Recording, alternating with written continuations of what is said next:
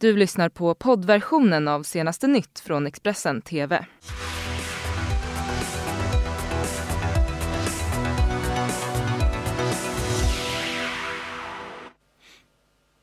Och med det så säger vi god morgon och välkommen till senaste nytt här i Expressen TV där du som namnet antyder ska få de senaste nyheterna. Max Marklund heter jag och det här är lite av det vi har att bjuda på nu under morgonen. Ung man ihjälskjuten, två personer jagas. Två elitfotbollsspelare stoppades i en bil med dömd utpressare. Så här går fotbollsförbundets arbete mot matchfixningen. Och så blir trafiken i jul. De här vägarna ska du undvika. Vi börjar här hemma i Sverige för en man i 25-årsåldern sköts ihjäl i Kristianstad igår kväll. Det var strax efter klockan 11 som polisen fick in ett larm om flera höga smällar i området Gamlegården. Patruller skickades ut och hittade en skottskadad person utomhus på Bataljonsvägen. Och enligt uppgifter till Kvällsposten så blev den här personen skjuten på innergården utanför en port. Skadeläget var inledningsvis oklart och den skjutna personen fördes sen till sjukhus med ambulans. Det rör sig om en man i 25-årsåldern och senare stod det också klart att han dött av sina skador. Det meddelade Region Skåne och polisen. Mannens anhöriga är underrättade om situationen. Polisen uppger nu att de jagar minst två gärningsmän. Tre personer med kopplingar till terrordådet på Drottninggatan ska nu ha fängslats. Igår kom uppgifterna om den tredje mannen alltså. Han ska ha hjälpt till och haft kontakt med Akilov och tipsat om hur man tillverkar en bomb. En tredje person med kopplingar till Drottninggatan-terroristen Rakhmat Akilov har nu fängslats i Syrien enligt TV4. Kori Usmon ska ha instruerat Akilov detaljerat om hur man tillverkar en bomb. Det är enligt Säpos utredning av terrorattacken på Drottninggatan 2017.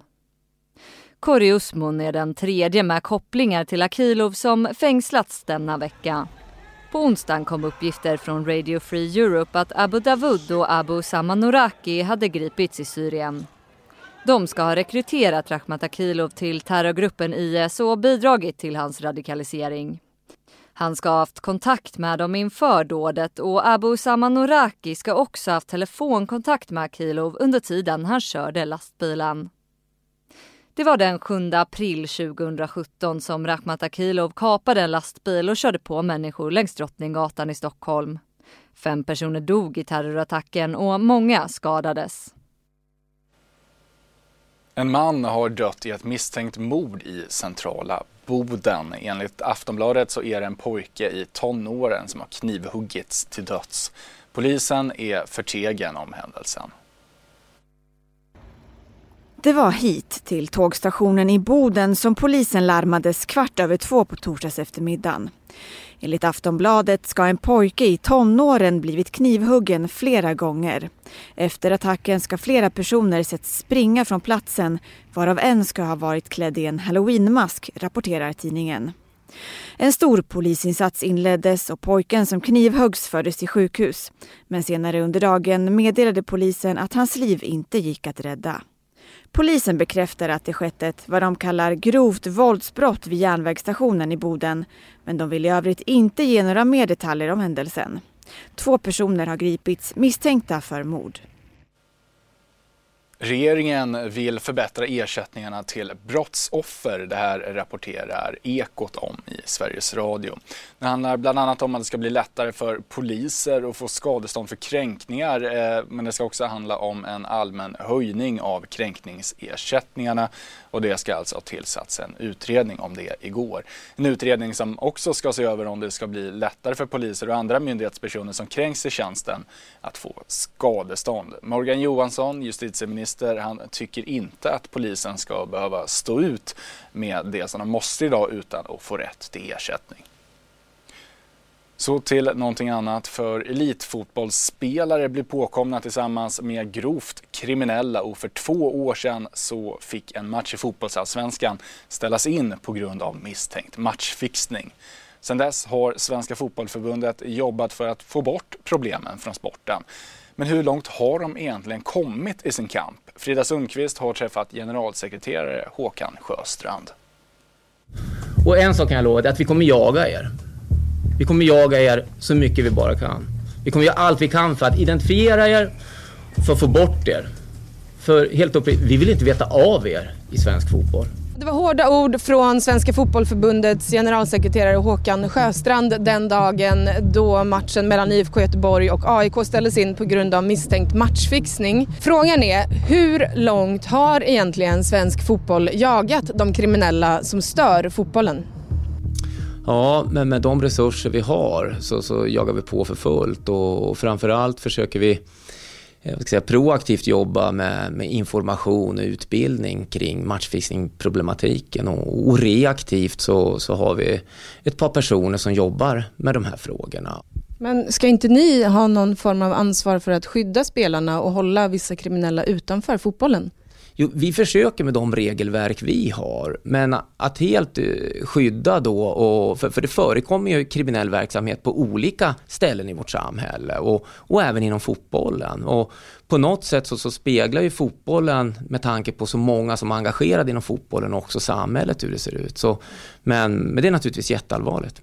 Men du säger att det är jätteallvarligt och att det behövs göras mer. Är det här ett misslyckande att det här finns kvar? Ja, all kriminalitet är på, på något sätt då ett misslyckande för, för, för vårt samhälle. Och... Men för er, är det ett misslyckande för er? Ja, när, när vi ser att det förekommer, vi vill ju inte naturligtvis förknippas med den här verksamheten. Britterna de kommer ett steg närmare sin eftertraktade Brexit. Idag så väntas nämligen det brittiska parlamentet rösta igenom lagar om hur Storbritannien ska lämna EU. Sen så väntas förhandlingar med EU om eh, ett handelsavtal och de väntas dra igång på allvar nu.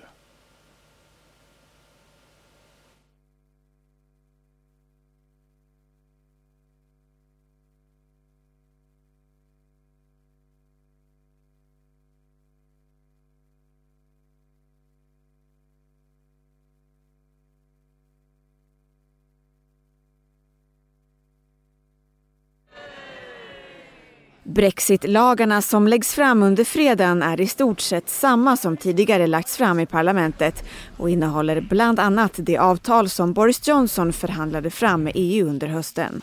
Men i den här versionen finns ett nytt lagförslag som gör det olagligt att förlänga den så kallade övergångsperioden då Storbritannien och EU ska förhandla om ett nytt handelsavtal och som börjar den 31 januari 2020 när Storbritannien formellt lämnar EU. Brexitlagarna väntas gå igenom under fredagens parlamentsomröstning efter att nyvalet den 12 december gav Torypartiet med Boris Johnson i spetsen egen majoritet. Och så till Indien, för i början av veckan så började demonstrationer mot en ny lag i landet. De här protesterna de har sedan växt sig starkare och eh, gårdagen de slutade i eh, våldsamheter. Den här lagen den handlar om att vissa personer lättare ska få medborgarskap i landet men de här lagarna de gäller inte för landets muslimer. Protesterna mot den nya medborgarskapslagen i Indien växer och under torsdagen dog minst tre personer efter våldsamheter. Det här rapporterar flera medier. AFP skriver att två av dem som dog ska ha skjutits ihjäl. Tusentals indier gav sig ut på gatorna över hela landet och demonstranter drabbades samman med polisen. Polisen grep hundratals personer i Delhi och vissa distrikt stängde ner internet och telefonlinjer i hopp om att få kontroll över protesterna. Det hela handlar om den lag som ska göra det lättare för papperslösa från Pakistan, Bangladesh och Afghanistan att få medborgarskap i landet. Muslimer undantas dock från lagen och det är detta som lett till kritik och de stora protesterna som pågått sedan början av veckan. Det har också förekommit motdemonstrationer av de som stöttar lagen och på vissa ställen protesterar folk som befarar att det här ska leda till stor invandring enligt BBC. Indiens premiärminister Narendra Modi har tidigare i veckan vädjat om lugn och sagt att ingen medborgare i Indien behöver oroa sig för lagen. Han har också anklagat oppositionen för att sprida lögner.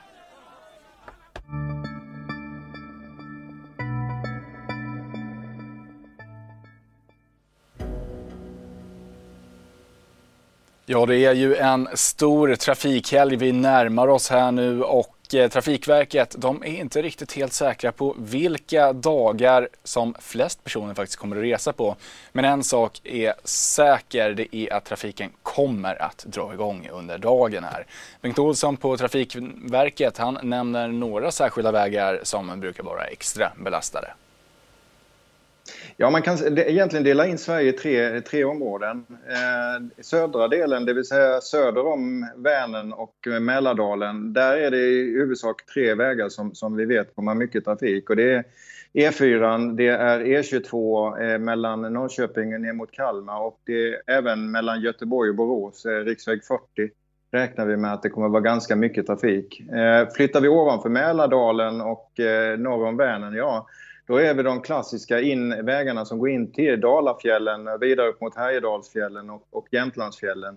Och självklart den stora pulsådern i jultrafiken kommer vara E4 som i stort sett då går från Helsingborg via Jönköping, Stockholm upp mot eh, Gävle och till Sundsvall innan eh, de flesta kommer att svänga av in mot eh, Jämtlandsfjällen. Och avslutningsvis då Bengt, är det något särskilt man ska ha i åtanke om man ska ut och resa i jul? Jag tycker det är världens läge att eh, tänka så här att eh, låt resan bli en del av ledigheten. Det är många dagar att åka på i denna gången och eh, låt det eh, lätta på gaspedalen helt enkelt och hålla avstånden. Och eh, en sak som eh, jag vill flagga extra för det är det här med vilt i anslutning till vägarna för de tycker det är jättebra också att gå där det är plogat och där det är halkbekämpat de också. Eh, det är inte bara fordon. Eh, ha span på sidan av vägen så, så att inte ni kör på någonting. Eh, de tre grejerna, håll avstånd, ta det lugnt och ha span på djuren vid sidan om så kommer det gå bra. Ja, mycket mer om läget i trafiken det kommer du naturligtvis få här under dagen så stanna kvar så kommer du få de allra senaste nyheterna. Du har lyssnat på poddversionen av senaste nytt från Expressen TV. Till förordnad ansvarig utgivare är Klas Granström. Ett poddtips från Podplay. I fallen jag aldrig glömmer djupdyker Hasse Aro i arbetet bakom några av Sveriges mest uppseendeväckande brottsutredningar. Går vi in med hemlig telefonavlyssning och, och då upplever vi att vi får en total förändring av hans beteende. Vad är det som händer nu? Vem är det som läcker? Och så säger han att jag är kriminell, jag har varit kriminell i hela mitt liv men att mörda ett barn, där går min gräns. Nya säsongen av Fallen jag aldrig glömmer på Podplay.